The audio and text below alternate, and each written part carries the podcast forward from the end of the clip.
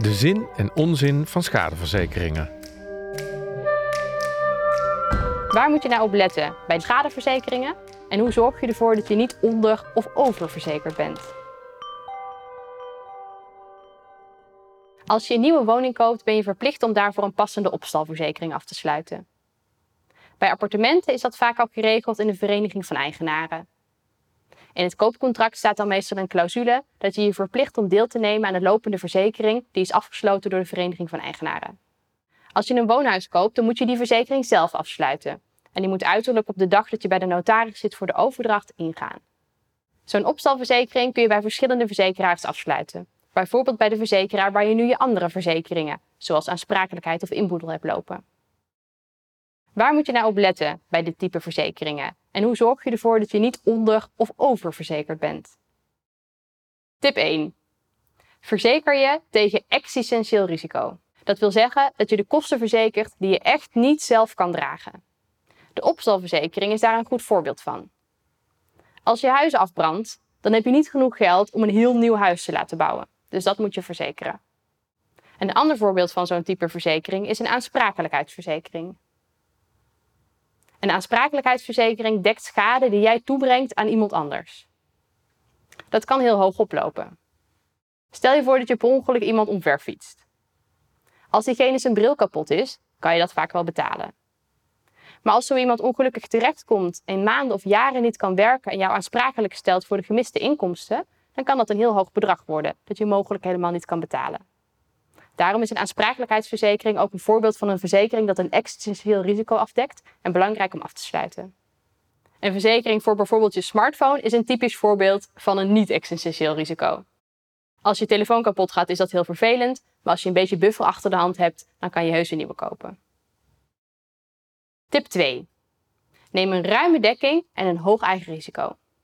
Hierin volgen we eigenlijk dezelfde logica als net. Als er echt iets gebeurt, dan is het belangrijk dat je ook echt gedekt bent. En dat niet die ene oorzaak waardoor de schade is ontstaan net is uitgesloten omdat je een krappe dekking hebt gekozen. Neem dus een ruime dekking op je schadeverzekeringen, bijvoorbeeld Allrisk. De premie is dan wel relatief hoog, maar dat kun je compenseren door een hoog eigen risico op te nemen. De eerste 500 euro van een schade kun je vaak zelf al betalen, als je een goede buffer achter de hand houdt. Je hoeft dan niet voor elk wisselwasje een beroep te doen op je verzekering. Je houdt een buffer achter de hand voor schades van een paar honderd euro. En als er echt wat aan de hand is, dan heb je een ruime dekking, zodat de verzekering in dat geval ook echt uitkeert. Tip 3. Breng al je verzekeringen onder in één pakket bij één verzekeraar voor het hele huishouden. We zien vaak dat mensen wel wat verzekeringen hebben afgesloten bij verschillende verzekeraars, maar niet regelmatig hebben gecheckt of die verzekeringen nog aansluiten op hun huidige situatie en of ze niet zijn dubbel verzekerd. Als je samenwoont heb je niet allebei een inboedel en allebei een aansprakelijkheidsverzekering nodig.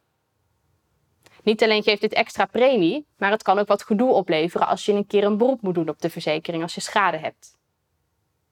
Als je bijvoorbeeld niet hebt doorgegeven dat je samenwoont of kinderen hebt, dan kan je daar wat oneenigheid over krijgen met je verzekeraar als die een keer moet uitkeren. Verder kun je vaak een korting krijgen op je premie als je veel verschillende verzekeringen bij één verzekeraar onderbrengt. Ook is het dan handig dat de verschillende dekkingen op elkaar aansluiten. Je inboedelverzekering en je opstalverzekering hebben bijvoorbeeld vaak wat overlap. Denk bijvoorbeeld aan de beglazing. Het is handig als de dekkingen van die verzekeringen goed op elkaar aansluiten, doordat ze bij één verzekeraar zijn ondergebracht en dat je daar geen gaten in krijgt. Als je een nieuwe woning koopt, moet je toch een opstalverzekering afsluiten. Dus dat is een handig moment om ook al je andere verzekeringen en die van je partner even samen onder de loep te nemen. Tot slot, verzekeren blijft maatwerk. Misschien heb jij heel dure spullen uit een hobby die je graag wil verzekeren. Of reis je heel veel. Of heb je juist allemaal meubels uit de kringloopwinkel die je helemaal niet zo nodig hoeft te verzekeren. Kijk kritisch naar jouw eigen financiële situatie en schat in welke financiële risico's je kan en wil dragen en welke niet. Wil je meer weten over schadeverzekeringen? Lees dan ons uitgebreide artikel hierover op visie.nl.